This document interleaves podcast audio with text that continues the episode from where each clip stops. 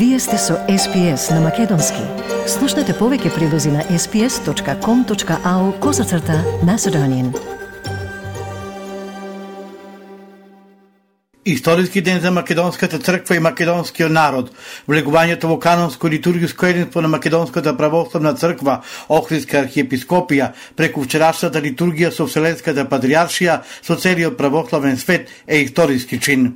На празникот Педесетница, утринската се спои со вечерната литургија, нешто што се случува еднаш во годината.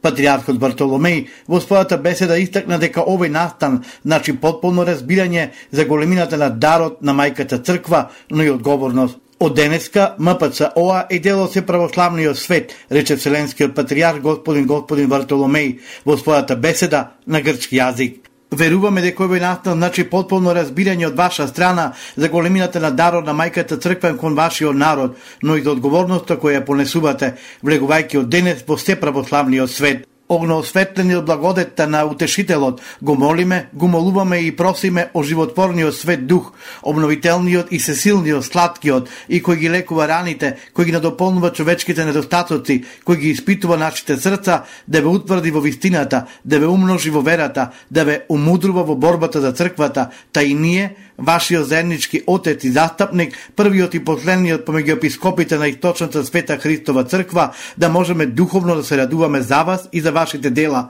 та во нив да се прослави се честното и великолепно име на Отецот и Синот и Светиот Дух, постојано сега и секогаш и во вечни векови. Амин, рече во беседата Патриархот Вартоломеј. При вас се принадлежностите за доделување автокефалност, рече архиепископот господин господин Стефан, кој повика на терпение. Сега сакаме јавно да кажеме да ние сме патриоти, како што се и сите наши соседни народи, ја љубиме и земјата каде што сме родени и живееме и народот од кој сме и меѓу кој живееме.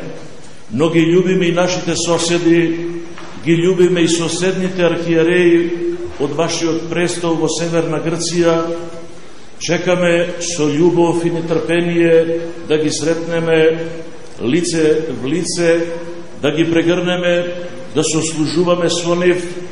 Ова некогаш беше еден сон, но денес е реалност, а вие сте ангелот, чувар на таа реалност. Колку ни е надежта голема, уште поголема е нашата полна доверба во вашиот суд, во вашето расудување за времето кога треба да се случи уредувањето на овие работи.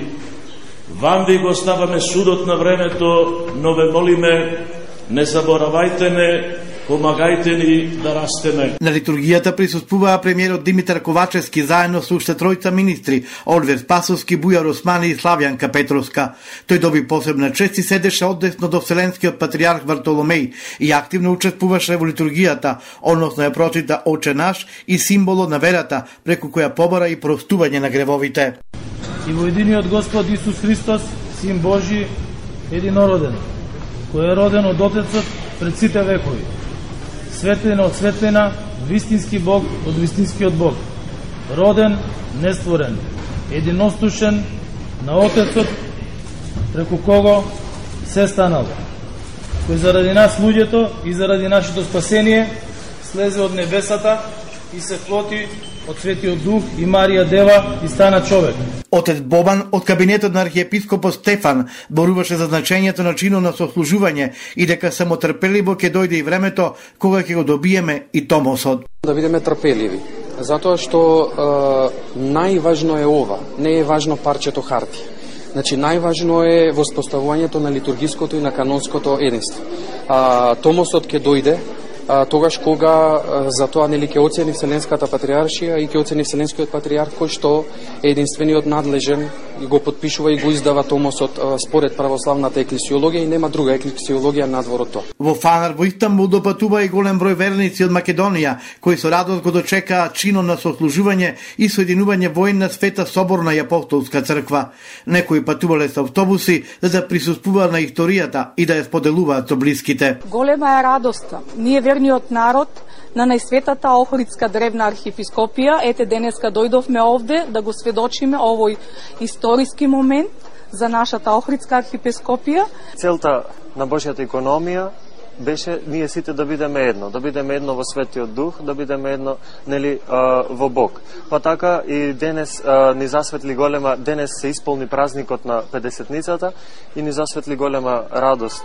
Посетата на МПЦО во Истанбул продолжува и денеска со литургија на која ќе чиноначалствува архиепископо Стефан, а гостин ќе му биде Вселенскиот патриарх Вартоломеј. Премиерот Ковачевски веднаш по литургијата имаше и средба со Вселенскиот патриарх, на која е разговарано за овој историски ден, но и за тоа што и како е очекува нашата црква Охридска архиепископија во следниот период со оглед на тоа дека премиерот Ковачевски како и другите државни представници испраќа писма за признавање на автокефалноста до Вселенскиот патриарх. Од црквен аспект, вчерашниот ден е историски во вистинска смисла, затоа што се официализира одлуката на Вселенската патриаршија за признавање на канонскиот статус на Охридската архиепископија, што е клучен момент после 55 години на патот кон целост на неизина автокефалност. Честитки до сите православни верници во Македонија, бевме сведоци на историски чин за нашата македонска национална историја, објави на Фейсбук председател на државата Стево Пендаровски. Архиепископот господин господин Стефан на македонски јазик богослужеше заедно со Вселенскиот патриарх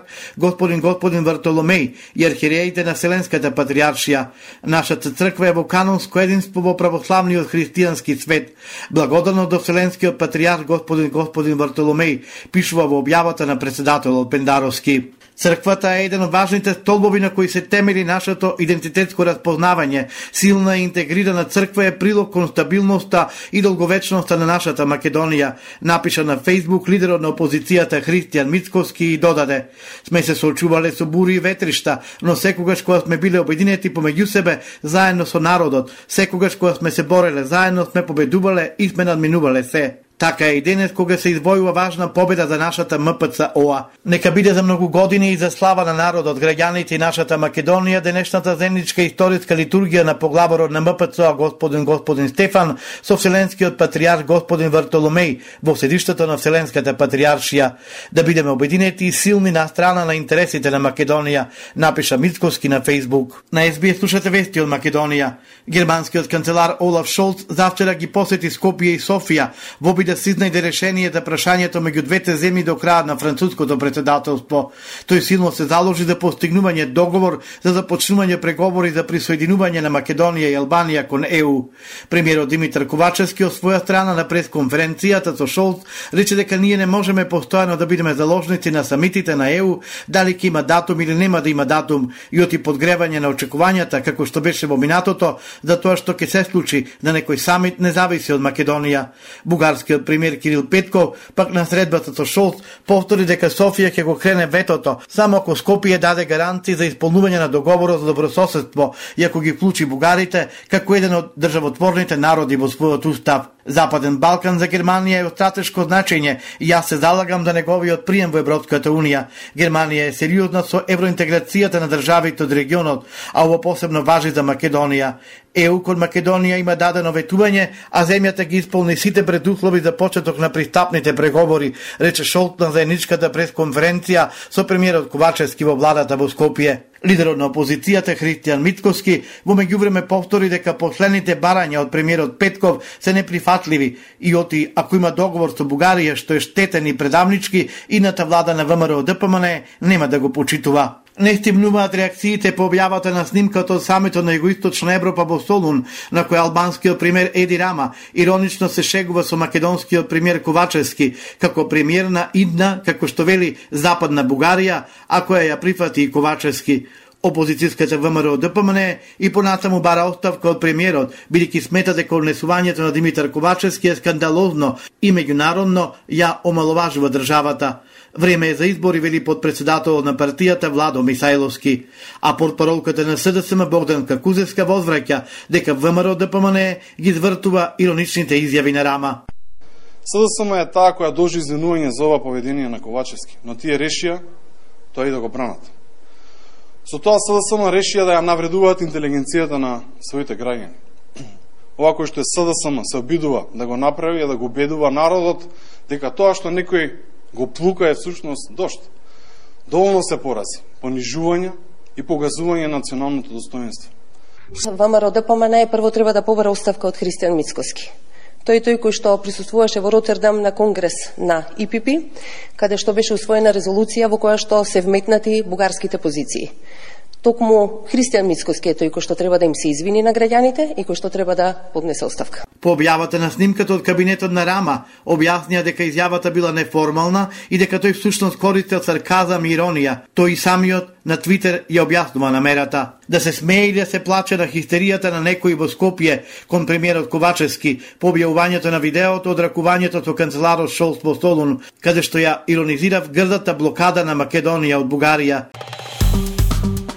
Стиснете, ми се допаѓа, споделете, коментирајте.